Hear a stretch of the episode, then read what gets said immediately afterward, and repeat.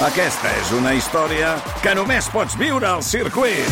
24, 25 i 26 de maig. Gran premi Monster Energy de MotoGP al circuit de Barcelona, Catalunya. Compra ja les teves entrades a circuit.cat. Viu-ho! que et jutjarà la UEFA i després pots anar a l'apel·lació de la UEFA, crec que darrere, bueno, estic segur, pots anar al TAS, mm. que és el, el Tribunal de Lausanne del comitè, que depèn del Comitè Olímpic Internacional, que alguna vegada ha, ha reformat sentències de FIFA i sentències de UEFA. Però, però vamos, sigui, diguem-ne que mentre... Sigui, que el, cada dia de silenci és, eh, és, és molt pitjor perquè aquí també es, es mira molt una qüestió reputacional i voler, i voler fer l'exemplaritat. Mm, I el Barça no s'està explicant. I el Barça porta un mes callat. Santi, Perquè aquí, a més a més, aquí, al principi, el primer que va sortir Gaspar, que va dir a mi no me consta. Però també afegir, jo sempre he dit que jo mentiria pel Barça. Molt bé, moltes gràcies per la seva col·laboració. Després, després va sortir eh, Rossell va dir que ell, ell no, no tenia res a dir i ara, ara haurà de declarar perquè està denunciat. Mm, Bartomeu, mm, off the record, va dient mm, i agafa el telèfon a tothom i Bartomeu va dient que va ser la porta, que això és una cosa heretada, que ell, quan ell va arribar estava, que ell ho va tallar, ho va tallar, òbvia la part, quan va deixar de ser eh, vicepresident, del comitè tècnic d'àrbitres i que la porta va ser el que va augmentar, que això està per demostrar, també s'ha de dir, eh? Sí, això també està per demostrar, però ho està dient un dels presidents. I la porta parla de que ha iniciat una altra, una altra investigació externa i que en el moment que, que pugui donarà una roda de premsa. Eh, portem un mes. I, I en aquest mes la pilota, eh, la pilota de neu s'està fent molt gran i pot ser, acabar sent una balança imparable. Perquè realment eh, no costarà res amb la situació que té el Barça de que, mira, que l'agafin i que li diguin això, però, vamos, que això que estaven explicant, la UEFA pot prescindir del Barça? No, no pot, jo crec que no podria prescindir del Barça. Però és que és el Barça el que està dient-li a la UEFA mm, amb Florentino Pérez de la mà que muntaran una Superliga. Mm -hmm. Santi, gràcies. Fins ara. Ala, fins ara. Ah, fins ara. Les Adeu. 10 i dos minuts. Voleu afegir alguna cosa més? Perquè si no canviarem de tema. Jo quan escoltava el senyor Xiol mm -hmm. em, em recordava com funciona la UEFA, o sigui, com funciona una comissió de garanties d'un partit polític. És a dir, que al marge del que digui el sistema judicial hi ha un marge d'actuació des del punt de vista polític i això implica també un grau de discrecionalitat. Clar, però que la UEFA actués sense saber exactament què ha passat, és a dir, sense poder respondre als principals interrogants, seria temerari, entre altres coses, perquè si tu actues amb un equip per molta mania que li tinguis o per molta mala relació que tu li tinguis, marcaràs un precedent. I no sabem a hores d'ara si Negreira mm, només va cobrar del Barça o va cobrar d'altres clubs. És a dir, el que està passant... I qui més va cobrar? Exacte. I qui més va cobrar? Exacte. És, és a dir, afecta aquest cas només al Barça o hi ha altres a veure, si aquests diners era per repartir entre els àrbitres, els àrbitres similar. alguns àrbitres han cobrat. Vull dir, di, di, di, diguem-ho tot, perquè el que no és normal és que jo, perquè si no és una estafa per part de l'altre, jo te lo arreglo, no, és una estafa freqüent. Jo te lo arreglo. Mm i després no t'arreglo res, però jo vaig, jo vaig, jo vaig cobrant. Eh? Però si jo te l'arreglo i jo te lo arreglo, és que això sí. ha circulat. Si ha circulat, hi ha gent comprada. I abans, no, i abans el Manel, el, no, res, només apuntar, el, sí, sí. abans el Manel ho deia, no? també des del punt de vista de la UEFA, insisteixo, per molta mania que tu li puguis tenir al Barça, per molta mala relació que puguis tenir al Barça, també la decisió que prenguis mm, has de valorar eh, l'impacte esportiu i l'impacte econòmic que pot suposar per tu. Ho, fo, ho pot fer com va fer Itàlia amb la Juve pressionant a la Federació Italiana. Sí, I tu no fas res. Sí, sí, però també té uns costos per tu, per la teva competició esportiva, el fet de prescindir d'uns dels La UEFA, tu creus que ha quedat pitjor perquè la UEFA baixés a segona divisió? La uh, Juve. La Juve, perdó. A segona no va baixar a tercera, em sembla. No, no segona. segona. No, segona, segona. Segona, segona. Jo, a mi no entès gaire res, això, em dona una mica igual, però em, em sap greu aquell home que cobrava i no s'ha fet ric. Qui és el que... La Negreida pues, hòstia, té mèrit a Espanya, diguéssim, Certa. cobrar i Més no fer-te Un ONG, tenia un ONG, eh? Sí, o és molt tonto o, o és un home d'una probitat... Tampoc se sap si els diners poden estar en un paradís fiscal o ja, però, fora. Home, un piset més gran... Un... No dic que et compris un yate, però, hosti, Negreira... Creixement un, significatiu. Un híbrid, una, saps allò? No hi havia hagut creixement significatiu. A la dona, un... un no, però això és, un, això és en metàl·lic. Tu no saps el que ha comprat. Per exemple, les, les vegades que, que, esteu que que no viatjar res. pagant en metàl·lic... No estem dient que no tingui res. Dic que Hisenda va dir que no hi havia hagut Ah, un creixement no. significatiu, de Significatiu. patrimoni. Aquí. Vale. Ara s'ha de veure el nivell de vida que portava, que són coses diferents. Clar, mariscades. Mariscades, veure, no. veure els setgells dels passaports, Les 10 veure i els 5 controls de minuts. fronteres. Re, doneu-me dos minuts i ara tornem. Va. Via Lliure, amb Xavi Bundó. Parlem. Seguim parlant d'autoconsum i de factor energia, que, com vam veure, té el seu propi departament de panells solars. Josep, benvingut. Gràcies. La vostra comunitat de veïns va instal·lar panells solars ara ja fa un temps. Què és el que us va motivar per fer-ho? Sobretot saber que la instal·lació s'amortitzava al cap d'entre 3 i 5 anys, però que després l'energia seria a cost zero durant 30 anys. I ho vau fer amb factor energia per algun motiu en particular? Sí, sí, perquè vam veure que és la comercialitzadora que el 2022 va pagar al millor preu els excedents d'energia als seus clients. Però també els vam escollir perquè Factor Energia t'ho gestiona tot. Ens van fer el disseny i la instal·lació i fins i tot es van ocupar de tramitar les subvencions i els permisos. Molt bé.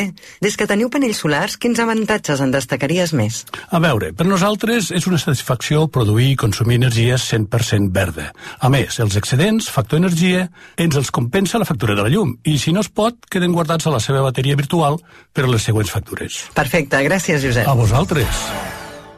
Estem treballant per a tu. Transformem Rodalies. Invertim més de mil milions d'euros en 101 nous trens molt més moderns i accessibles. Continuem fent passes per construir una Catalunya més connectada i cohesionada. Rodalies de Catalunya operat per Renfe. Ministeri de Transports, Mobilitat i Agenda Urbana. Govern d'Espanya. Quan parlem de preu Lidl, parlem simplement del millor preu. 400 grams de filet de pollastre ara per 2,59, t'estalvies un 21%. I la nostra sucosa pinya per 0,99 al quilo, t'estalvies un 31%. Lidl, marca la diferència. El 25 de maig de 2006 es va celebrar per primera vegada a la història el Dia Mundial de l'Orgull Friki. A veure, si fins i tot l'Orgull Friki té un dia, tu també te'n mereixes un, oi? Amb mi dia de l'11 tria la teva data especial i juga-hi. Cada dia per un euro guanya fins a 3.000 euros. Mi dia, el sorteig més teu. I recorda, un de cada cinc toca. A tots els que jugueu a l'11, ben jugat. Juga responsablement i només si ets major d'edat. Un dia descobreixes que tens humitats en sostres, parets, són per tot arreu. Què pots fer? Trucar a Murprotec. Truca al 900 102 103 o entra a murprotec.es. Si amb les humitats te les has de veure, què pots fer? Trucar a Murprotec. 900 102 103. Murprotec, cuidant la teva llar, et cuidem a tu. Via Lliure, amb Xavi Bundó. Les eh, 10 i 7 minuts, aquí continuem Banyos. No, que és un tema molt interessant, el del Lineker. El Lineker? Sí. Mm. Perquè... Bueno, per la gent que, no, que, que estigui Hem canviat la tertúlia, ara. eh? Perdó, és que estàvem No. aquí, érem, eh, he vist aparèixer la, totes les teles, la BBC va, va apareixent, eh, 324, 24 hores, a premsa internacional. És una notícia d'abast internacional, aquesta, en aquest cas, um, que és que l'exjugador del Barça, precisament, ara que estàvem parlant del Barça, Gary Lineker, que és comentarista i presenta programes a la BBC, Des de fa molt de temps. des de fa molt de temps, eh, l'han apartat, no se sap si temporalment o definitivament, després d'haver fet un missatge fora de, diguem del programa, no durant el programa, un tuit. sinó un tuit, en què criticava la política eh, migratòria del govern britànic comparant-la amb el règim nazi. Sí. I llavors eh, l'han apartat, hi ha hagut una solidarització per part dels companys eh, que fan el programa amb ell de- d'aquest cap de setmana. És que ara estava buscant el nom del programa perquè no me'n recordo.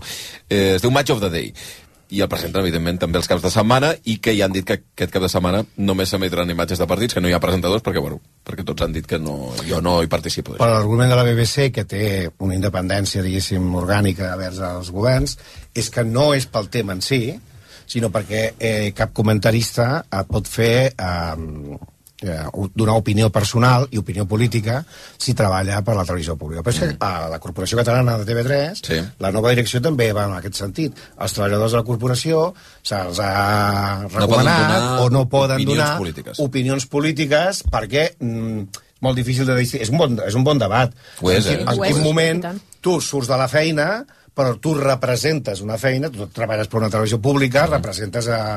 Llavors, clar, té l'Inecker dret a opinar? Sí, té contravé, no contravé les normes de la BBC, es veu no que també... No és treballador, ell, de la no, BBC. No, és treballador, però és un col·laborador, col·laborador. al qual pot estar sotmès, cosa que no sé si està sotmès sí, de manera règim formal. disciplinari del mitjà Entenc de que serà una part és perquè està sotmès de manera a això, però és que aquí a, a casa nostra també passa, pot passar el mateix, que un treballador de la Corpo doncs, dona una opinió sobre una cosa tot i que l'opinió si no, és que, vull dir, per aclarir-ho, que no és perquè pel sentit de l'opinió que se la És que ja ha passat, Banyos. Hi havia locutors de TV3 que promocionaven bueno, fet... les marxes de les diades i deien que s'havia d'anar i votar en el ha passat que deies que hi havia, sí, hi havia passat que l'havien apartat. Això ha passat, ha passat. No, dic, no, no, no, el, ha passat els missatges... És... Amb una crítica des de fora, però no ha passat res. A efectes no, pràctics dic, no els hi ha passat la, la, nova, res. la nova direcció, dic que és un debat... La nova direcció, no, potser sí. No, la nova direcció ha de ser clar que no es pot... Ara, ara.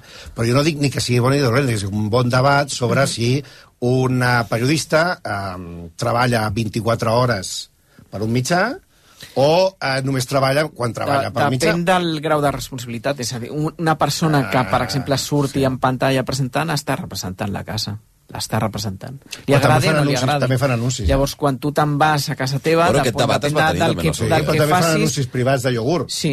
I la casa de iogurt, igual, en venena...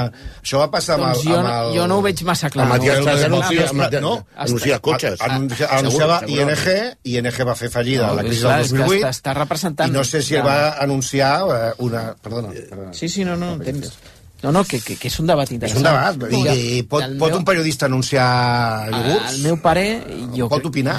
A veure... Jo, jo crec que no. Jo o, crec que no. o encara més, eh, ha d'un periodista representar 24 hores al lloc de feina. No, un treballador ha de representar 24 hores a l'empresa. És a dir, jo sóc empleat de la CEA. També és veritat, no puc que, fer, no també puc és veritat dir, que el debat uh, es pot diferenciar entre mitjans arreu, públics que, uh, i mitjans privats. Però tu ets jugador del Barça.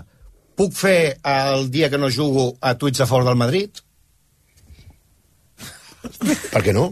O per què no? Fer-ho, fes-ho, ja A veure què passa. Però què et passaria? Bueno, és no, que també és el mateix. És que no he vist el contracte. No, clar, el, el, No, no, contracte no, no, t'obliga... no he vist el contracte. No, però per això que les, les ah, diguéssim, les cases... Les cases... Les corporacions i les televisions públiques eh, doncs tendeixen, jo també entenc Però sí puc anunciar és un, un debat no, d'un, del president d'un altre club. Que no, no, dic que és un debat interessant perquè les xarxes... En recordeu, no? Poc, relativament poc temps en el món del periodisme. Llavors hi ha aquest desdoblament que fa 20 anys no existia, perquè tu emeties la teva opinió a, a, a un micro ara mateix i després el que fes en privat És però més és veritat. menys repercussió. Sobretot si és un mitjà públic. Jo crec que és la diferència. Sí, però és veritat que també s'ha de tenir en compte fins a quin punt una consigna així lesiona la capacitat dels propis treballadors, dels propis periodistes, d'autodefensar-se si s'està produint una situació injusta, per exemple, ingerències polítiques que tenen un impacte en la informació periodística. I això Allà, ha passat això és diferent. i passa en els mitjans públics, i no parlarem només dels mitjans Però públics diferent, catalans, Sara. Sinó el hauríem dret. de mirar el que passa als mitjans públics d'arreu de l'Estat. Tens tot el dret, llavors. Tens tot No, el però, dret a si hi ha una ingerència... No, si t'estan dient Que- que... que tu no pots emetre opinions personals quan no estàs... Bé, mai, en realitat, perquè se t'està demanant que no les emetis mai, se t'està també lesionant la teva capacitat, el teu dret, també, de poder-te defensar si hi ha decisions que són absolutament injustes o si hi ha ingerències polítiques que interfereixen veure, directament a les Els àngels tenen sexe i és celestial, m'han dit. Ah, no, eh? creus? Vull dir... Això, És això, que això és el que m'han dit. comitès, eh, per vehicular aquest tipus de per- la BBC té Si no de té, ni al concili de Nicea, vostè ja, eh, vull dir... té, té seccions d'opinió. La, a la televisió alemanya, que hi ha dues cadenes públiques, té, el, sobretot el de notícies, el més vist de la nit, té seccions d'opinió. Sí, però, I, una, i, nosaltres- I és editor, no posa Sí. presentador. No és un nosaltres, parlante, no, però és nosaltres editor. estem aquí com a tertulians precisament per donar opinió, però, No, però a- la- el la senyor tele- Bundó ha de mantindre una imparcialitat perquè està dirigint Però un programa... pregunto. Una, no, la línia editorial de la, la línia editorial de la casa, de la casa. o mantindre Correcte, una correcte, imparcialitat però- però d'aquesta taula. Nosaltres podem ser totalment parcials perquè per això és una tertúlia. Però hi ha diversos nivells, perquè en el meu Total. cas, per exemple, eh, una part de la meva feina orienta, és tenir un editorial de programa. No, correcte. Per tant, tenir una opinió Sí. sobre les qüestions, no? Sí, sí, I, sí, i, sí. I, intentar equilibrar-la, eh? Clar, no, no, per, això no, no, estem, no. per això no estem parlant ben bé del mateix, perquè en el cas de Gary Lineker, per exemple, eh, la qüestió de què parla no és la qüestió de què No, no, ell parla de futbol i ha fet una opinió personal d'una cosa totalment Sobre la diferent. llei d'immigració. Però la BBC diu, escolta, mentre estiguis a la BBC, tu no pots parlar de res que no sigui a la BBC. Bueno, Ara, clar, això és- això és el debat de... és, un, sobre... és un accés de cel en aquest cas, o, concret. bueno, però... o, no ho sé, eh, bueno, hauríem de veure el contracte i, i si tal. Què passa? Clar, des del punt de vista, digués, de molta gent, i el particularment ho considero que, S'ha de dir que, que el món molta raó el que anglosaxó, diu. el els que drets diu. fonamentals es venen. Jo, com a empresari, et puc comprar el teu dret a la llibertat d'expressió. I està content. Te'l compro i te'l pago. Sí. Ah, bueno, sí. No, no, no, no. No et dic vostè no pot parlar d'això. Perquè vostè no parli Sí, que no sigui sí. coses que no siguin de futbol. Tants, tants lliures més al mes. I aquí abans hi havia també exclusivitats eh, en aquesta feina Bueno, nostra. una- Abans et pagaven l'exclusivitat i ara no et paguen ni, ni, ni el metro, vull dir que també ha baixat la cosa. L'aigua, l'aigua. No Bueno, aquí sí, aquí sí, aquí ens no, Un quart d'onze un quart d'onze del matí. Deixeu-me passar un moment per la, per la publicitat. Hi ha una mm, investigadora catalana que vam entrevistar fa un temps, que ens va semblar interessantíssima, perquè sabeu que tenim eh, ments catalanes en alguns dels grans eh, llocs de l'Acadèmia Mundial. En aquest cas estem parlant de la Universitat de Princeton. Eh, una investigadora en, eh, d'economia i de demografia, a qui li volíem preguntar per una cosa que jo tinc la impressió que tots els que estem aquí sempre hem sentit que era així i que aquest any deixarà de ser així, o ja ha deixat de ser així, no sabem ben bé, que és que la Xina és el país més poblat del món. No? Sempre havien sentit. Ja no. milions... et- Ara és la Índia. A Índia. Sí. Què significa això a nivell demogràfic? Cap on va el món des del punt de vista de, demogràfic? Si m'apures, la, la pressió demogràfica en les pensions que vam veure eh, ahir amb totes les notícies que va haver-hi a l'entorn del que, de com s'aplicarà. Bé, el món que ve. Ara de seguida uns instants. RAC 1. Martes de series, miércoles de amigos, jueves de peli, viernes de pizza, sábado de risa, Magna, la cervesa que fa gran cada dia. Magna de Sant Miguel recomana el consum responsable, 5,7 graus. La vida passa pel davant, igual que passa ja s'escapa. Ja arriba l'alegria que passa, l'últim musical de Dagoll de Gom. Una companyia d'artistes desperta els desitjos d'un poble gris. L'alegria que passa de Dagoll de Gom al Poliorama. T'emocionaràs. Individu, propietat i competència. El sistema neoliberal puja a escena en una comèdia on l'humor més negre i absurd es posa al servei del discurs més polític. Els ocells de la calòrica. Noves funcions fins al 19 d'abril al Teatre Poliorama. Busques una escola que se centri en l'alumne i el seu desenvolupament? A la Salle Bonanova hi trobaràs atenció personalitzada i un estil pedagògic innovador i canviant que posa la tecnologia al servei de la pedagogia i on l'esport, la música, la dansa i els idiomes hi juguen un paper fonamental.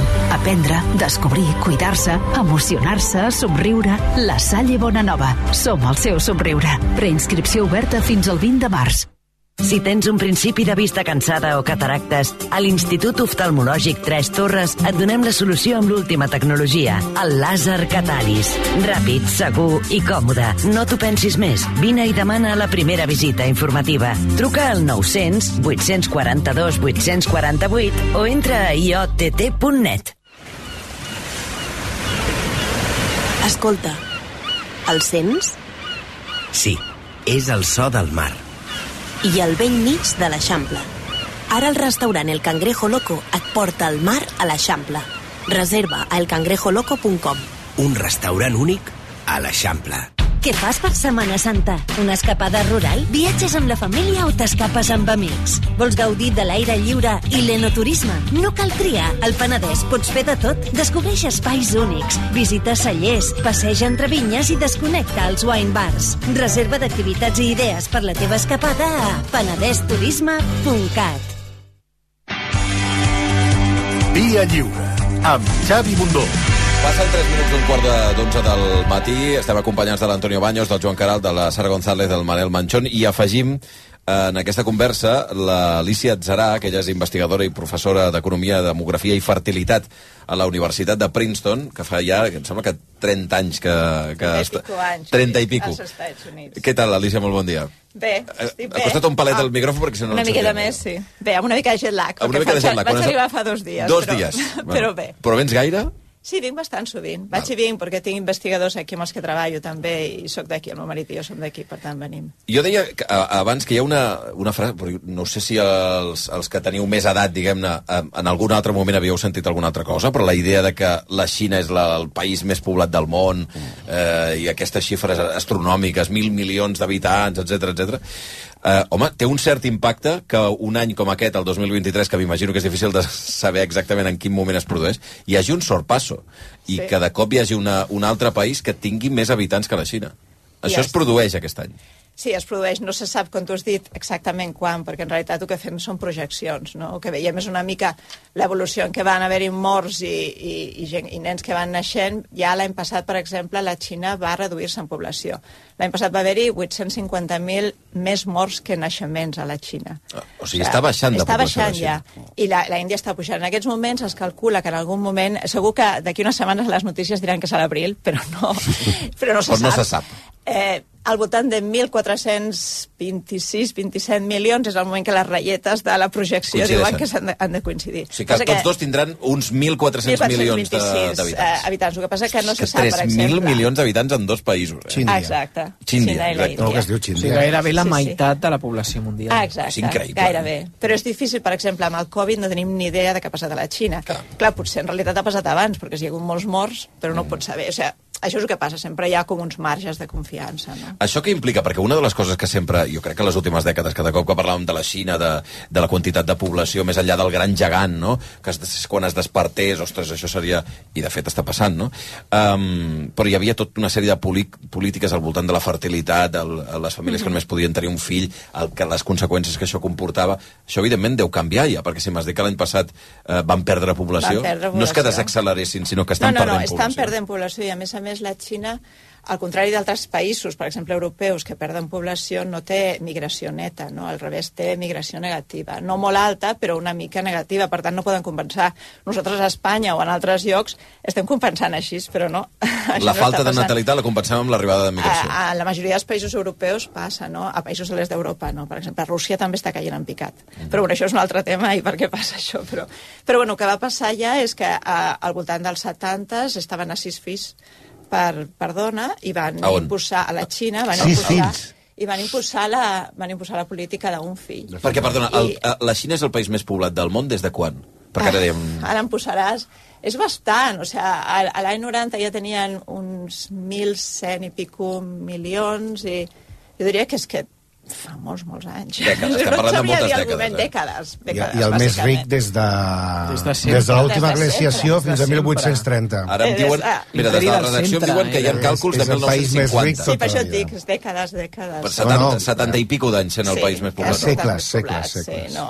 Passa que, clar, tot depèn de com comptis. El Sí, problema és, exacte. clar, els Qui, era- països... qui, qui era xinès i qui no era... Clar, aquí és Xina, i després els països, els països han canviat, no existien al segle XIX, per tant, en el moment que consolides el que avui són unitats de països, per tant, que contem, això ja és una altra història. m'has dit la política aquesta de fill únic, quan s'implanta? S'implanta a l'any 79, comença. És, o sigui, és una cosa dràstica, perquè a més a més hi havia unes penalitzacions bestials sobre la gent que no ho complia, doncs, bàsicament et perdies la feina, no podies escolaritzar els fills, eh, hi havia també for, eh, forçar a vegades avortaments eh, per, per no... O, o, per exemple, el que passava és que no registraven els nens, amagaven a les filles, que també és una altra història, el que ha passat I això i, el, i el que ha, comportat en el, en el canvi del ràtio de, de nens i nenes, això també ha sigut... S'abandonaven, també, no? S'abandonaven, Perquè, eh, Em van veure molts reportatges que, es- que, es- que es deixaven en, Les en nenes- cases com d'acollida. Sí, però bueno, al ràtio hi ha un, una, un desequilibri molt bèstia de nens i nenes en, aquells pa eh, en aquell país. No? O sigui, hi ha altres molts llocs com a més homes que dones a més la Xina. homes que dones. I a la Índia també podem parlar per, per altres coses.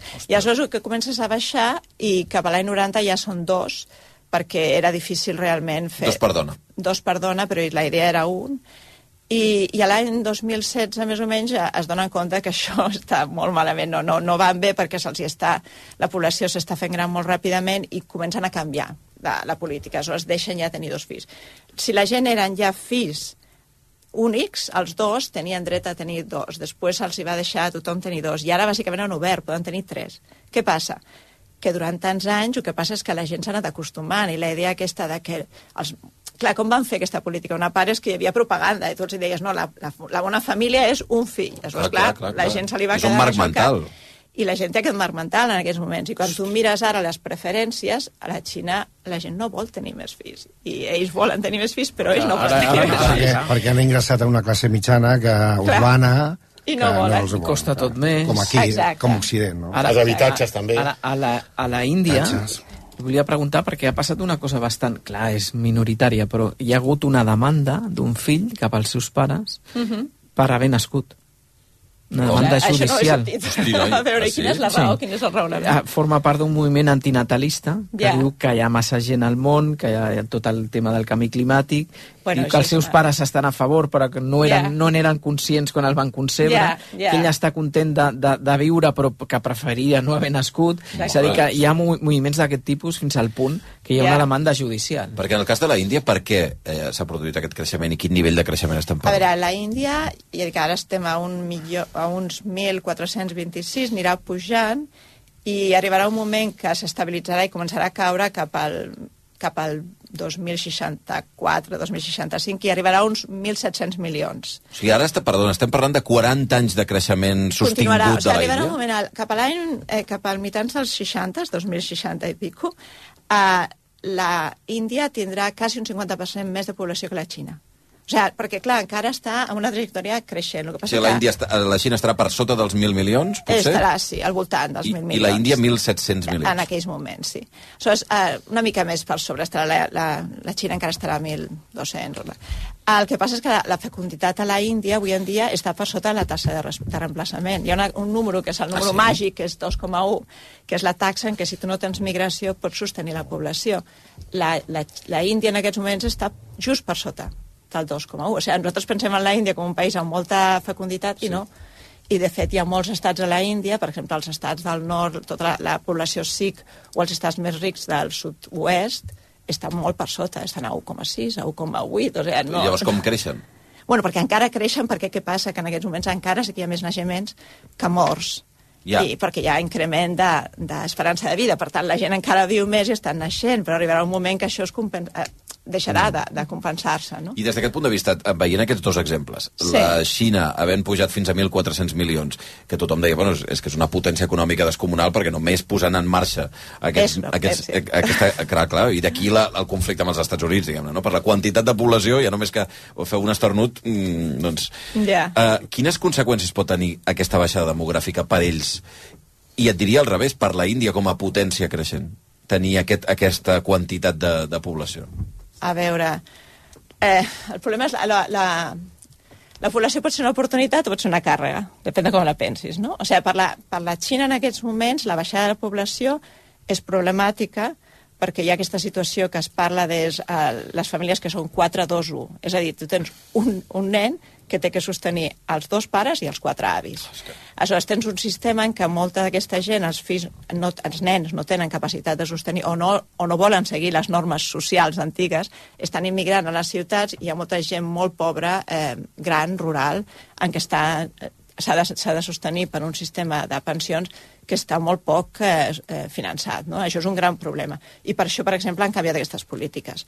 Això, per exemple, també implica un canvi en la posició manufacturera de la, de la Xina. No? Aquesta idea que teníem de que la Xina era la potència en què realment vas eh, mm, exportant tot, bueno, en aquests moments tenen mancança de, de mà d'obra i, amb les, i tenen uns problemes de, de regulació molt estrictes d'immigració interior que també no, no ajuden. Això tenen una cosa que es diu el sistema del huku, en què cadascú està assignat en un lloc i és molt difícil canviar de lloc. I tens una sèrie d'atur encobert en les àrees més rurals i, en canvi, comença a haver-hi eh, necessitat de mà d'obra en, les, en les parts eh, més urbanes.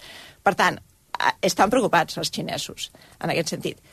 Quina potencialitat té la Índia? Bueno, la Índia eh, depèn de quina inversió educativa tinguin, i estan creixent molt, doncs, bueno, pot ser la nova potència en aquest sentit. El que passa és que el que veus a dins de la Índia, com et deia, és que la, la fecunditat en algunes regions està molt per sota de dos ja. I en aquelles regions és justament les regions on hi ha més indústria. En canvi, les àrees més pobres és on tenen eh, menys indústria també allà necessiten també incrementar la immigració interior i poder moure a gent perquè poder aprofitar aquesta, aquesta potencialitat. No? O sigui I, en, I enmig de tot això, a Europa on som? Des d'un Europa. punt de vista demogràfic. Bueno, a Europa el que som és el que, el que dic, que en realitat en la majoria dels països estem creixent perquè hi ha immigració, Sí. si no, no estaríem creixent. Eh, la qüestió una mica ve a, a dir que necessitem una població creixent o no, i això tornem una mica al que comentava sobre el canvi climàtic o sobre altres qüestions. No? Eh, nosaltres podríem estar, per exemple, en una situació de no necessàriament créixer i encara, per exemple, sostenir sistemes de pensions si la població fos més productiva. La clau realment és com de productiva és una població mm -hmm. per poder sostenir eh, coses... És a dir, Espanya podria mantenir-se sobre els 46 o 47 milions durant el temps que volgués si la, si la població fos... Temporalment, arriba un moment que hi ha un límit en això, no? Però, però efectivament en aquests moments l'única manera que hem tingut de créixer i sostenir això és a base de la immigració. La immigració ha sigut clau. L'Anna sí. Cabré sempre deia no, que la, la, la manera de tindre... O sigui, la natalitat catalana era la migració, des de sí. feia pràcticament 200 anys, no? Sí. El cas català és molt excepcional com a, com a país? No és o hi ha molt... països que, que tradicionalment han fet això, molt baixa natalitat des de fa molt de temps, sí. i uh, recurrents a onades... Uh... Bueno, Catalunya, per exemple, si un compara, dins de, de, per exemple, comparant amb Itàlia, era una situació molt similar. El nord d'Itàlia també tenia una fecunditat molt baixa, no? tradicionalment, i, i, i teníem onades migratòries del sud, igual que va passar a, a Catalunya. No? Eh, per tant, sí que hi ha àrees que, que han tingut aquesta eh, fecunditat eh, més baixa i han sigut capaços d'absorbir migració i, i, i ser acti i i això és per activitat. models familiars, per, per uh, baixa productivitat, perquè, perquè Catalunya, per exemple, o el nord d'Itàlia són de, de natalitat baixa, És, és bastant interessant. Hi ha una part també de demanda, o sigui, la, la gent potser no en volia tants, hi ha una part que algú diria és una qüestió de la manera en què, per exemple, la propietat estava establerta, la manera en què la terra es dividia, sí, sí, sí. les oportunitats que la gent tenia. En Manuel Tot, el, el tipus de famílies que hi ha... No? Per exemple, el, aquest tipus de L'hereu no? i tot això, el no partir. La, no, per exemple, sí, que pots tenir més o menys incentius si tu dius en realitat el que vull és sostenir el que és la propietat en, mm. en menys fills. O, i també el coneixement, no? l'educació. La gent, o sigui, per exemple, els mètodes eh, naturals eh, anticonceptius, com si diguéssim, tu pots sostenir poblacions per sota de tres fills molt fàcilment si tens coneixement i ho utilitzes. I això és una cosa que s'ha sabut sempre. No? Mm -hmm. Evidentment, si ja vols anar un, potser necessites una altra cosa. I això s'utilitzava regularment a, a, en, aquests, en aquestes àrees. No? O sigui que, que sí, es pot sostenir, ja són preferències en aquest sentit. Mm -hmm. um, Quin, què passarà a Europa? Bueno, doncs a Europa, en realitat, eh, tenim àrees, per exemple, l'Àfrica subsahariana és l'única àrea que si tu mires les projeccions, Àfrica serà el continent més gran del món a, a finals d'aquest segle i abans, ah, sí, eh? o sigui, des, de, des dels anys des de cap al 20, 2020, 2070 o 2080, Àfrica serà el continent, és on està creixent. La, la fertilitat mitja de l'àrea de, subsahara, de l'àrea subsahariana està al voltant dels 4 fills, encara. La mitja? Fills sí, és la mitja. Per tant, en realitat, i això és una cosa que, per exemple, anecdòticament els francesos podrien estar contents, perquè la llengua que està creixent més és el francès. Tècnicament, sí. Que, sempre que estan preocupats per la seva els llengua... estan expulsant bastant d'allà. No, Exacte. No, no, estan, no estan caient molt bé, no? Tenen problemes. Macron va tindre la setmana passada un problemes al Congo. Exacte. Però la, la mitjana d'edat de, de països com Nigèria, clar, és al voltant dels 25-26 anys. Mira, molt et, donar, joves. et donaré una dada de Nigèria, perquè us veieu. Si vosaltres mireu quins són els rànquings de països, els Estats més. Units és el número 3, no? Mm. En aquests moments. De població mundial. De població mundial, mm. després d'aquests dos grans protagonistes. Si tu mires a l'any 50, Nigèria tindrà tants habitants com Estats Units. Sí, sí, 375 milions. Amb un territori molt menys petit. Eh, bueno, és gran, eh? És Nigèria, gran, sí, no, però és, I, i ja ser com la meitat dels Estats Units, més o menys, no? És una... Sí, ara no t'ho sabria dir perquè... Sí. Però, sí, perquè la projecció així. sempre la fa més petita. No? Sí, la projecció és sí, això, és aquest és el problema sí, de com estàs mirant les imatges. Ara és un país ric, eh? Però no és així. Exacte. És un país amb, recur amb recursos, perquè l'important és créixer sí. la població. I amb problemes. Si hi ha recursos. Exacte. Bueno, problemes però, tots tenim. Però un altre, un altre país, per exemple, que va per aquestes vies és la República Democràtica del Congo. Mhm. La República Democràtica del Congo estarà entre els països més, més grans del món en el 2050 50. I és, en canvi Rússia... Però torna a ser la pregunta que penso, com es gestiona això? Com en països bueno, així? No, el primer és... Això són projeccions, per tant, pot ser que mm. la fecunditat canvi. Ara estem o que projectant... més pandèmies. I després el que tenim és migració. O sigui, bàsicament el que ha d'haver-hi és un moviment de poblacions, és la manera en què passarà. Si els... Quins països atrauran els països que tinguin economies dinàmiques? I... Europa. Europa, per exemple, i als Estats Units, bueno, més d'un milió de persones arriba cada any als Estats Units. També hi ha una... persones amb molta Europa, gent. També hi ha una altra via... Sé, projeccions és que necessitarà uns 30 milions d'immigrants en els propers 20, 25, Exacte. 30 anys. I sí, també sí. hi ha una altra via que, és, uh -huh. que combina el que deies de Xina i Àfrica, sí. que és la gran inversió uh -huh. que està fent Xina a Àfrica ah, sí. a, com a fàbrica. És a dir, la mà d'obra ja no estarà a la Xina, sinó que els sí. africans treballaran per la Xina, eh, uh -huh. solucionant eh, tots els sí. problemes aquests que estàvem posant aquí. No? I no tan sols la fàbrica. La el fàbrica problema són les mines. L'extracció de recursos, les sí. Mines. Sí, però no, no, però ells el plantejament sí. és diferent del colonialisme europeu. Estan Ja, ja, extraient no, no, estan recursos extraient. i a canvi estan posant inversions Estan allà posant perquè no volen que la gent marxi. I el fet, Sí, perquè sí. eh, que- ara cada dada que dona, que dona la- l'Alicia Xarà, insisteix, una eminència, eh, perquè des de fa molts anys és a Princeton, als Estats Units, al voltant de la demografia, de la fertilitat, és el seu tema, no? Um, la, la, el, el dubte és que cada vegada que estaves donant una dada amb projeccions a 30-40 anys pensava, bueno, però llavors, el global del món, quanta gent hi viurà? No Perquè sabem. però, però hi ha una, hi ha una projecció? Home, projeccions n'hi ha patades. Ja. que, que l'encertin... no. El que hi ha és normalment, el que es diu, ara avui en dia es funciona amb el que es diu eh, eh, projeccions probabilístiques. Mhm. Bàsicament, tu incorpores models, aquests models tenen uns marges d'error, tu com, eh, estic pensant en anglès, eh? No, no, vas, no, vas no, composant aquests errors i obtens uns marges de confiança. Si tu mires, per exemple, a final del segle, els marges de confiança, si tu vols dir un, una banda de 95% de confiança, estem entre, parlant entre 11,5 mil milions de persones 11.000 a milions de 9.000 persones. milions, perquè un panorama, unes projeccions és que s'estanca i comença a baixar. Ah, sí, eh? I, O sea- i el- la pandèmia del Covid, en què ha canviat les projeccions que teníem fetes abans del Covid? Aquesta és una bona pregunta, perquè no sabem Veus? què passarà amb la, amb no? la fecunditat. No, home. Una molt bona pregunta. No, però, aquí- no, però aquí... No, perquè depèn una miqueta de la reacció, per exemple, en la fecunditat, no? Que si la gent, per exemple, això ha reaccionat i hi ha hagut, per exemple, diferències, temporalment es va baixar la fecunditat, i també hi ha hagut diferències en els nivells educatius, de qui ha reaccionat Mm. o no, no? En molts països occidentals el que ha passat és que, la, en realitat, les relativament més educades han tingut més capacitat de tenir més fills, i alguna de la gent que era en treball manual o que s'han més afectades han també baixat en, en fecunditat. O sigui que és una mica... No se sap molt bé què passarà. No se sap exactament Aquí, tingui. aquí no? surt una pregunta, ara Sí. posaré la boina de pla. Això qui ho paga? És a dir, Què? Que és sostenible, no? que, que, que, vull dir, que aquesta gent se l'haurà de menjar, com a mínim que treballin. Eh? Que treballin Tots. quina- No, no, no, no. Aquests Ja, 11.000 ja voldrien. Hi ha, hi ha treball, hi ha feina, hi ha recursos, hi ha, hi ha, hi ha, hi ha, hi ha, hi ha teca, per, per, almenys que per Malthus, alimentar. aquí ha sortit Malthus. Bueno, Bueno, ara- no, ara no, no, no, no, si jo, jo no som Sortit entusiastes, Malthus, però pregunto has- això, has- qui ho paga i com? Ha sortit Rousseau, ha sortit Ja, no, ara la ha sortit, tecnologia... ha sortit em recorda una miqueta tota aquesta cosa del Club de Roma dels anys 70. Va haver-hi va haver un moment... En límits del creixement de l'informe de l'any 73. Exacte, va haver un moment a l'any 68 que si tu mires a quina velocitat està creixent la població mundial, va haver un moment aquell que era, la, el món estava creixent un 2%. Sí. I va ser un moment el més alt del món, perquè en realitat la població mundial sempre havia crescut a un 0, algo per cent, sempre s'hi arribava. En aquell moment, si tu estàs amb una taxa d'un 2%, la població mundial s'està multiplicant cada 35 anys. O sigui, es, es dobla. És una, una taxa molt insostenible. Avui en dia estem per sota de l'1 i està baixant. I el que t'estic dient és que hi ha un moment que s'estabilitza i comença a baixar. O sigui, no, eh, no, no està creixent a aquesta velocitat. Qui ho pagarà? Bueno, tot depèn. Si som capaços de ser productius, eh, es pot pagar. Hi ha molts països que encara estan per desenvolupar. L'altra qüestió és si el planeta ho pot aguantar. I aquesta és l'altra la qüestió. clar, I això si és una mica torna amb aquestes coses del medi ambient. No? Ara, per exemple, hi ha, hi ha moltes coses que s'estan creant, no? aquesta gent que ara tapen àrees de... Bueno, tenim a, allà a Princeton hi ha tota aquesta gent, a l'Oppenheimer i tota la companyia que ha fet aquestes coses de, de medi ambient en què parlen, per exemple, de posar com...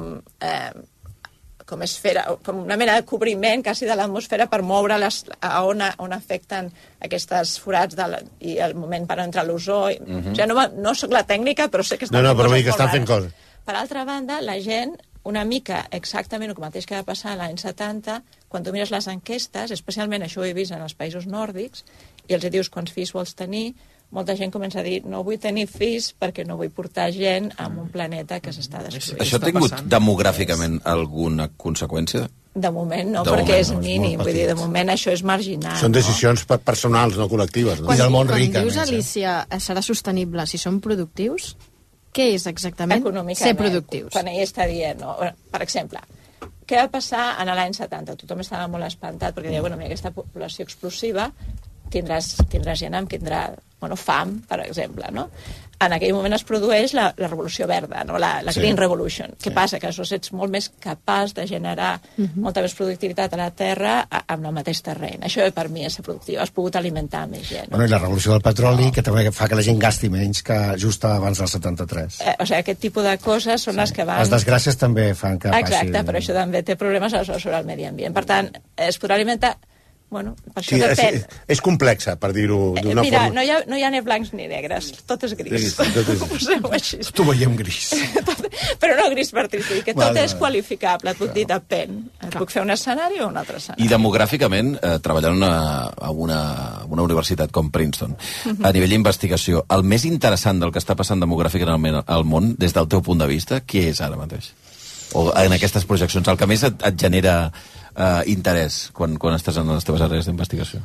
O sea, a mi m'in- suposo que hi ha dues coses, no? O sea, m'interessa eh, com què passarà en termes d'immigració i composició i, i poder relatiu, o sea, en, en molts sentits, en sentit de què passarà amb les immigracions, els canvis de composició de la població mundial, i geopolíticament, què vol dir, Mhm. en aquest sentit? Si tu veus Rússia, és el que t'estic dient, està caient, i per tant també hi ha una part també de el que està passant bé, també forçat, jo crec, per, per idees de que el, pa el país s'està anant, la, la, la mare Rússia està canviant, i després, per altra banda, a un nivell més microeconòmic, si vols, m'interessa més, per exemple, com la gent fa decisions de, de fecunditat o família, a, per exemple, en, país, en països occidentals. Els no? motius que els fan de tenir fills o no? perquè la gent, per exemple, posposa o no té els fills, però, per exemple, i això ho vaig comentar un altre dia que vaig venir a parlar aquí, Sí, sí. que aquí a, a, a, a, a Catalunya i en general a molts països europeus, especialment al sud d'Europa, hi ha una bretxa molt important entre el que la gent li agradaria tenir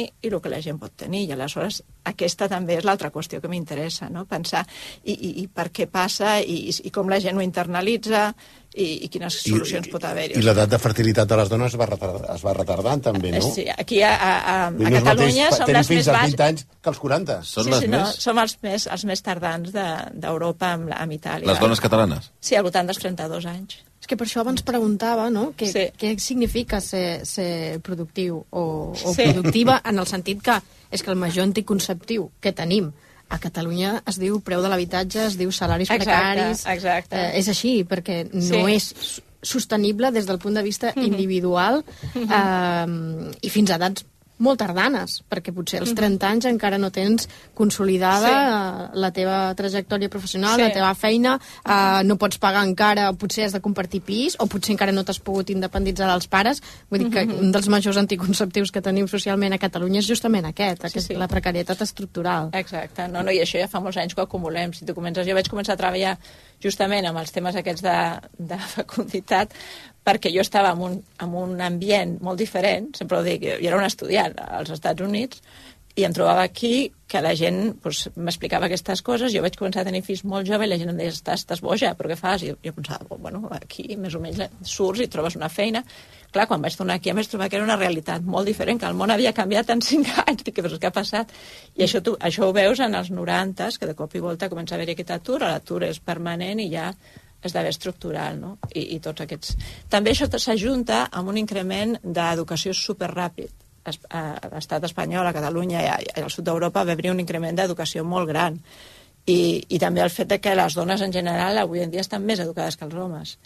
I això també crea unes aspiracions que el mercat laboral en aquell moment no era capaç de, de, de, de, de, Absorbir, no? d'absorbir. Però quan has dit, Alicia, insisteixo, estem parlant amb l'Alicia Sí. Xarà, investigadora, de, de, professora d'Economia i Demografia i Fertilitat a Princeton, eh, quan estaves dient això de que les expectatives que tenen les dones eh, o les famílies en tenir fills i el que s'acaba complint són distàncies molt grans, a Catalunya vol dir que les, hi ha moltes dones o moltes famílies que diuen no, si jo, jo encantaria tenir tres fills o quatre. Això, No, no, 3 o 4 no. Tran estem, no, eh? estem parlant de dos. De eh? dos. Sí. Però llavors en tenen un o cap. Estem parlant de dos, sí, Que l'aspiració és tenir-ne dos I no arriben. i, i no en tenen cap o un. exacte. Sí, sí, no, un 20% de, de la gent es queda sense fills avui en dia. Ja Un quan 20%. arriben. I, I jo diria que és com, sí. com un 20 o un 15% de gent que voldria tenir dos en té un. O sigui que sí que... És que les circumstàncies no, no, no faciliten, almenys el nostre ambient Bueno, és concret d'aquí, no exactament el que deia ella. És dissuasori, la situació sí. econòmica és dissuasòria i Surts de després casa el dels pares de- el fet de- que retardi l'edat també amb és veritat que augmenta les dificultats després. No? de També. concebre. Exacte. I això és una cosa que jo crec que la gent no, no n'és conscient de la rapidesa en què baixa la capacitat de, de concebre. No? Això els metges... I, I, de fet, Catalunya està, és un dels llocs millors i més al capdavanters de, de reproducció assistida. Mm -hmm. Però ara recordo fa uns mesos vaig estar aquí també amb unes xerrades parlant amb un, amb un metge d'aquí, de, dels dels millors d'aquesta àrea, deia que les dones, no, bueno, les parelles, és que no vull dir les dones, les parelles, mm -hmm. no es donen compte de, de que en realitat la, la capacitat de, de concebre a partir de, dels principis dels 30 doncs, baixa molt ràpidament i pensen que la probabilitat és molt alta. Sí, efectivament, hi ha molts èxits, però no és, no és fàcil i és un camí dur, no? Va, últim, que hem de plegar. Banyos. No, és que um, jo vaig a lo que deia de geopolítica, ella que està als Estats Units, um, el mur de Trump i la invasió de latinoamericans, sí. aquesta idea de que hi ha unes masses Uh, és així, la realitat latinoamericana en tant la fertilitat com és, i després, quina és mm. aquesta percepció en el país en el que tu estàs treballant i vivint, i sí. perquè entenc que la demografia és un tema tremendament polític allà també, bueno, aquí també, és, perquè és un frontera. És que la gent també. no s'ha compte que la població és clau, la població està al darrere de tot, la població ha portat a guerres, imperialismes, bueno, a, la, la població és geopolítica, 100%.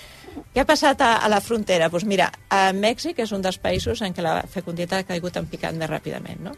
Això és de la mateixa manera que tenien 4 o 5 fills fa 20 anys, ara estan a prop dels dos ja. Això, això ha baixat bastant les pressions migratòries, de per si. Ara les famílies, doncs ja, si només tenen dos, no envien a un o dos als Estats Units. Continua passant, però això ha baixat molt, no? I després hi ha hagut molta convergència de rendes. Quan tu tens la, la, el factor més important que explica la immigració és la diferència de renda per càpita entre llocs. El que sí que està passant és que ve molta gent de Centroamèrica que passa que en termes de números són molt menors perquè els països són més petits que el que és Mèxic, no?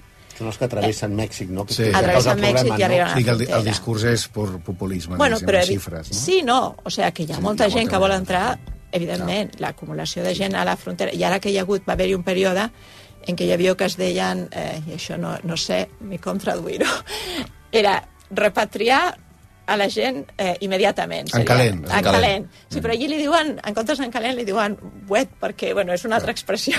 Però com, sí, com ho diuen en anglès? Em sembla que és wet. Eh... Uà, mullats. Sí, peus, peus, peus, peus secs, peus mullats. Algo així. Sí, per, per, per travessar el riu, no? Per, per... Exactament. Pantalons mullats, i així per I, travessar el riu. I, i, bueno, I ara, en realitat, en Biden, de moment, ha continuat aquesta política. Mm. O sigui, no, ha, no s'han obert les fronteres no, no. igual, no? És bastant o sigui igual. Està bastant igual. Sí, sí. Però, per altra banda, s'ha de reconèixer que, que Estats Units rep més d'un milió de persones netes a l'any. O sigui, no és que sigui un país tancat, és un país molt obert i, de fet, és un país que s'enriqueix molt. De... I per les dues bandes. O sigui, si tu mires la distribució d'on estan els immigrants, venen a la part més educada i a la part menys educada. I això té grans contribucions al país i, els, la gent ho reconeix. I, I després és important també reconèixer que políticament la migració no és republicans en contra, demòcrates en pro cada un dels partits està dividit. Hi ha una part de cada partit que és a favor de la immigració i una part de cada partit que està en contra. El que passa que Trump ha utilitzat la part populista de la part... O sigui, en realitat s'ha apoderat... Ha tocat, la fibra, ha tocat la fibra, no? Perquè de cara als empresaris, eh, que són més una part republicana, ells prefereixen tenir immigració. Hi ha una part del Partit Demòcrata que per qüestió de solidaritat prefereix tenir immigració, però també hi ha una part del votant eh, demòcrata que és més de classe treballadora que esdevé el competidor dels Clar, I per tant, el, el, els dos partits hi ha les dues coses. Ha sortit el tema del treball infantil també, no?, als Estats Units, que... Ah, sí, bueno, això és una cosa que em vaig quedar molt parada, però molt anecdòtic, és molt raro, jo no sí, entenc. No? Això jo crec que... És, és, han agafat un... És, han agafat un... Cherry picking? Un sí, cherry picking, cherry diria. Picking, vale. però, però, bueno, ja et dic, clar, per exemple, el, en qüestió de patents d'entrepreneurs, els immigrants estan sobrerepresentats als Estats Units. Mm i, evidentment, a part de treballs més manuals, també sobre representats, però això vol dir, per exemple, uns preus més baixos de serveis, una cosa que en general això compensa a la població. Per tant, és complicat. no? Uh, eh, 10 i 48, jo crec que és interessantíssim sentir l'Alicia Xarà, és fantàstic. No, ha dit, la, eh, ha dit una cosa, diu la població és la, ge, la geopolítica. Sí, sí, la gent la no se n'adona, però és la geopolítica. Of course. Uh, Alicia Xarà és investigadora i professor d'Economia i Demografia i Fertilitat a la Universitat de Princeton i és un gust sempre poder-la sentir. Moltíssimes gràcies per haver aprofitat també el viatge cap a Catalunya Molt per passar per gràcies la Gràcies a vosaltres, encantada. Gràcies. Sara González, uh, Antonio Baños, Joan Caral, Manel Manchón... És que, Què, entre Negreira i això... això que tot t'agrada molt més. Ja no, ja he vist que la primera part, que gairebé estaves a punt de... Negreira, que no Què? comprat ni un yate ni res. Pobre, no sé què aportarà la fertilitat espanyola. Pobre, no sé què aporta aquest home. Pobre. El Barça sí que hi ha... Mira, això ho podríem parlar. Sí, el si el Barça... ha portat en la natalitat de... Oh, ja, ja Espera, espera, que t'estàs a prop del micro. Acosta't, acosta't, al micròfon. Hi ha articles bons? Sobre no, hi ha articles sobre el, sobre el futbol i la fertilitat. Oh! Per què no hem tret aquest tema? Hombre! Sobre com augmenta la funció de les victòries. Exacte. Les Champions disparen la fertilitat? No, ja, hi ha unes quantes coses, per exemple, una pagada de llum augmenta la fertilitat i, una, i que guanyi el teu, el teu Clar, equip la Champions, guanya perquè les la lligues ja no... fertilitat. Clar, pues un cafè negreira pel Barça i És per terrible. Catalunya també. Terri- Ho ha no, no. per Catalunya. És terrible. És terrible perquè si la gent no, es fa, no segueix el Barça i es des Creu de Sant Jordi a Negreira, home. Serà pitjor per la natalitat catalana. una com a mínim. Una mínim. Alicia, serà un plaer, de veritat. Moltíssimes gràcies. Molt bé. 10 minuts i arribarem a les 11 del matí. Ara. Apa, adéu-siau.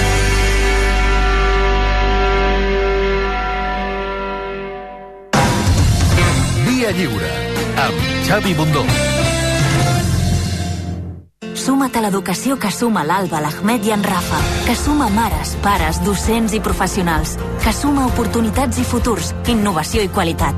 S'obre el termini per fer la preinscripció, del 6 al 20 de març per al segon cicle d'educació infantil i educació primària, i del 8 al 20 de març per a l'educació secundària obligatòria. Informa't a preinscripció.gencat.cat. Suma't a l'educació que suma. Generalitat de Catalunya, sempre endavant. Benvinguts al Superestalvi de Capravo. Aquest dissabte 11 de març, per una compra mínima de 30 euros, et regalem el 5% de descompte de tota la compra acumulat a la teva targeta Club Capravo. I també en les compres de Capravo a casa, perquè quan els preus pugen, Capravo t'ajuda a estalviar. Benvinguts al Superestalvi de Capravo. Més informació a capravo.com. De dies plujosos n'hi ha molts. De solellats, també. Però de dies únics amb ofertes úniques a Dàcia no n'hi ha gaires. Per això, aprofita els nostres dies únics Dàcia amb ofertes especials únicament del 10 al 20 de març i demana el teu Dàcia. Reserva cita a dacia.es. Descobreix-lo a la xarxa Dàcia de Catalunya. Plutó! Para d'esperar que trobem un altre planeta. Instal·lem i financem i fins i tot paguem l'instal·lació fotovoltaica de la teva comunitat, unifamiliar o empresa. Suma't a l'autoconsum. Per fi hi ha un altre llum. Factor Energia. Empresa col·laboradora amb l'esdeveniment Barcelona Question Challenge. Quan parlem de preu Lidl, parlem simplement del millor preu. 400 grams de filet de pollastre ara per 2 amb 59, t'estalvies un 21%. I la nostra sucosa pinya per 0 amb 99 al quilo, t'estalvies un 31%. Lidl, marca la diferència. Quan obres aquell estoig oblidat i trobes la pulsera que ja no et poses, O el rellotge que ja no utilitzes? què pots fer? És fàcil. Posa't en contacte amb Circa. Circa, experts compradors internacionals d'alta joieria, rellotgeria i diamants. Circa compra les peces que ja no utilitzes i et paga immediatament. Demana cita a circajewels.com o al 93 215 76 78. Bon dia. En el sorteig de l'Eurojackpot d'ahir, la combinació guanyadora va ser 6, 17, 22, 39 i 46. I els sols al 5 i al 12. Recorda que ara amb l'Eurojackpot de l'11, tots els dimarts i divendres ja pots milionaris. Gaudeix del dia. I ja ho saps, a tots els que jugueu a l'11, ben jugat.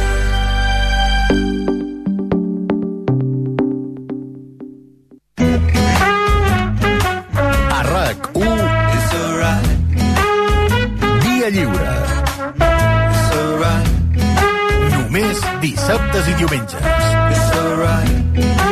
Amb Xavi Bundó. 8 minuts i les 11. Au village sans prétention, j'ai mauvaise réputation. Avui sí que he anat tard, eh? Avui he anat molt, molt tard. Per donar-me temps a arribar. Exacte. Bueno, i donar-li temps al Malcolm. Sobretot. Hola, Malcom Otero, bon dia. Avui he arribat puntualíssim. Hola, Santi Jiménez, bon dia. Bon dia. No, està fent doblete perquè parla del cas Negreira i ara un cas que no és Negreira i totes aquestes No. coses. Avui no té res a veure, no té res a veure amb Negreira. El... Bueno, no ho sé, ja, ja, ja, ja, jo no, jo no, que està vinculat a tot. jo no descartaria res. Jo no descartaria res. O sigui, no, no sé. És esgotador fer el Barça. Sí, home, en sèrio. Quants anys fa que és esgotador? No, no, últimament s'està convertint en una cosa una cosa insufrible. Sí, sí. No, no, o sigui, és... Demà hi ha partit, per això. Sort, sort. Sí, però que tots els partits, mentre segueixi això, sí. Seran molt més complicats i estan posant la vida molt complicada. A part de que ja ara, per compensar, han tornat a posar Gil Manzano. Sí, sí. És veritat. D'àrbitre, És que és, és el tio És que aporta un colt on té totes les muesques de, de, de crecs del Barça que qui li falta per expulsar? Si demà Gavi no acaba el partit. Ai, ai, ai, ai, ai, ai, ai, ai, ai. No, i, I a més a més, posen a Gil Manzano Mm. abans d'un Madrid-Barça. És a dir, que la l'estesa que pot fer aquest senyor demà... Bueno, eh, però clar... Mm, bueno, pues seguim callats i ja està. I ja està. Bueno, parlem d'exagrables o no? Parlem d'exagrables, sí, sí. Qui toca, qui toca avui? Jo crec que avui... He vist la foto i hi ha, hi ha gent que... Ja, bueno, clar, s'ha trucat gent. La, per la foto no, no l'he reconegut, Ah, per, no. per un concepte que has posat. Perquè, tu no, perquè no està a l'Hispània, No. la foto. No, no va anar a l'Hispània. No No, va- no, que, no. que ens constin, no va anar a Jo, jo l'Hispània. pensava que et connectaries des d'allà, eh, des de l'Hispània, que ja faries això que fa... Saps que... Amb la foto que hi ha Xavier Cugat, allò... Hi ha molta gent allà. Bruce Willis, Bono, Bono, Bono de Castilla-La Mancha, Bono Dudós... Bono uno, Bono dos. Els dos bonos. I tu, uh, ja, ja tens foto allà o no? No. I és veritat el que... No, M'ho ha dit el segur que no. Què? eh? Que hi ha un postre allà? Bondonets de crema Va, amb tira. fruites del bosc? Tira, de veritat, eh? No? No, no. Ai, senyor. Bueno, molt bé. I falta un xampany. I, un, i, i, i ara hem d'aconseguir... Bundó, Pinot Noir. No, i el... I, I de cara a la temporada que ve hem d'aconseguir ja, anem a lo gran. Què? Sí, de ser Can Roca, l'Hispània... Bueno, més gran que- Embotit, embotit... No, hi ha una cosa més gran? Què? Què? Eh, un resort. Un resort de luxe. A... Bundó Resort. Sí, com White Lotus, White Bundus. Buen punto. Mira, est estic a punt de dir-te una cosa i no t'ho diré, perquè ja he descobert una cosa molt interessant, A veure... que té a veure amb resorts. Digue, digue. No, ets una màquina de facturar. Va, prou, va, ets, una, tira. ma- ets l'Enriquez Negreira de la ràdio. Va, vinga, va. Bueno, Tira. avui, avui també t'haig de dir que hem fet un, farem un personatge que quan, quan ens vam posar sí. a fer-lo, a buscar i dir qui era, i jo li vaig dir al Malcolm, ja, ja està fet. I ell em diu... Perquè era molt evident. I crec que... I jo estava segur que l'havien fet. Però són Però 300... pot haver-hi el dubte? Pot ser que algú ara desperti i digui, eh, en Nosaltres sí ho que... hem mirat amb els nostres... Bases de dades? Amb, la Amb nostra, intel·ligència artificial? Amb la nostra És a dir, intel·ligència. al correu hem mirat els personatges Ai, ai, i no ai, sortia. ai. que tampoc ai, ajudeu ai, massa, ai, perquè ai. el dia de Montgomery Ai, ai. tampoc- el vam enviar Ai, i ai, no vau fer res. Però Ai, ai, ai. No, no, es veu que no l'hem fet i és un Ai, personatge ai, ai. molt controvertit. Ara I ens si, i si trobarem no... d'aquí mitja horeta que algú diu... No, no, que imagina, no, si la En- caguem... en cinc minuts, sí, sí. Eh, és un tipus que l'han li han fet un, una, una netejada d'imatge tremenda Sí. i entena i eh, centrada en minimitzar les seves faltes, allò que diuen, no, ja saps el context, l'època... Ja, ja, ja. És veritat que és un geni absolut de la música, de l'òpera i de la cultura. Un home que va canviar els paradigmes. Pels de l'ESO, bueno, ho mireu a Google i ja està. Lo de paradigma. Sí. I de la música, i que té influències al cinema, que va crear el leitmotiv, i no és Andreu Buenafuente. No, home, no, l'Espotify era prèvio, però ho fet. No, però bueno, intenta explicar-li a la gent. Un paio que ha, inspica, ha inspirat els millors de la música i els pitjors dictadors. Un fora de sèrie que era també Ja un buscarraons, un faldiller, un caradura, un arrogant i antisemita. Avui, amics, li traiem la perruca, la batuta, la boina i tot a Willem Richard Wagner, també anomenat Willem Richard Geyer, però conegut com Wagner. Home, no! Jo volia sentir una cançó de Wagner, aquí, Cançó, ara. cançó. Ca cançons de Wagner. Wagner, canciones. Valquíries. Aquesta no està mal, eh? Mira, mira. Ei! Ei! Aquestes donen ganes de deixar-te patilles grosses i posar-te un casc amb punxa. Una mica de... Com es diu això? Oktoberfest, eh? Sí.